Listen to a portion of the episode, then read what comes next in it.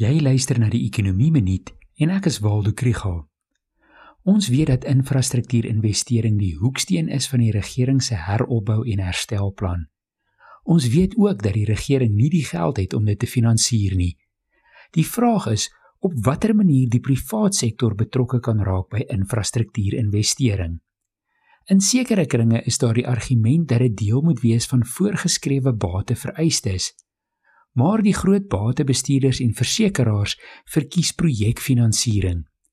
Verlede week het die tesourier voorgestel dat regulasie 28 van die Wet op Pensioenfonde verander moet word om infrastruktuur deel te maak van die bateklasse waarin pensioenfonde kan belê.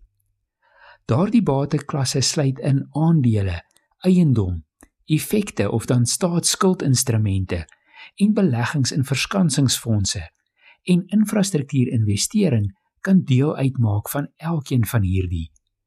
Daar gaan 'n omskrywing gegee word oor wat met infrastruktuur bedoel word en vir elke bateklas sal daar 'n perk gestel word vir hoeveel daarvan infrastruktuur kan wees.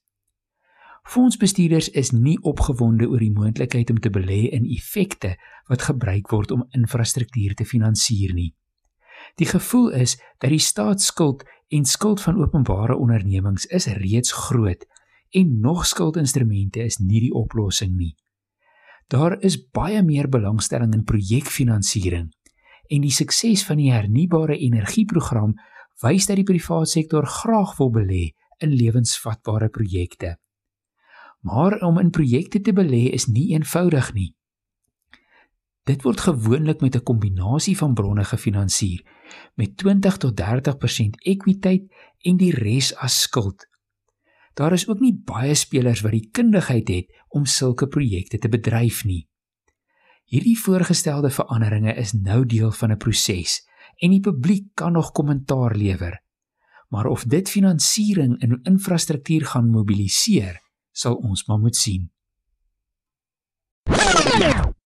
As jy meer van die ekonomie wil leer, volg die ekonomie blok.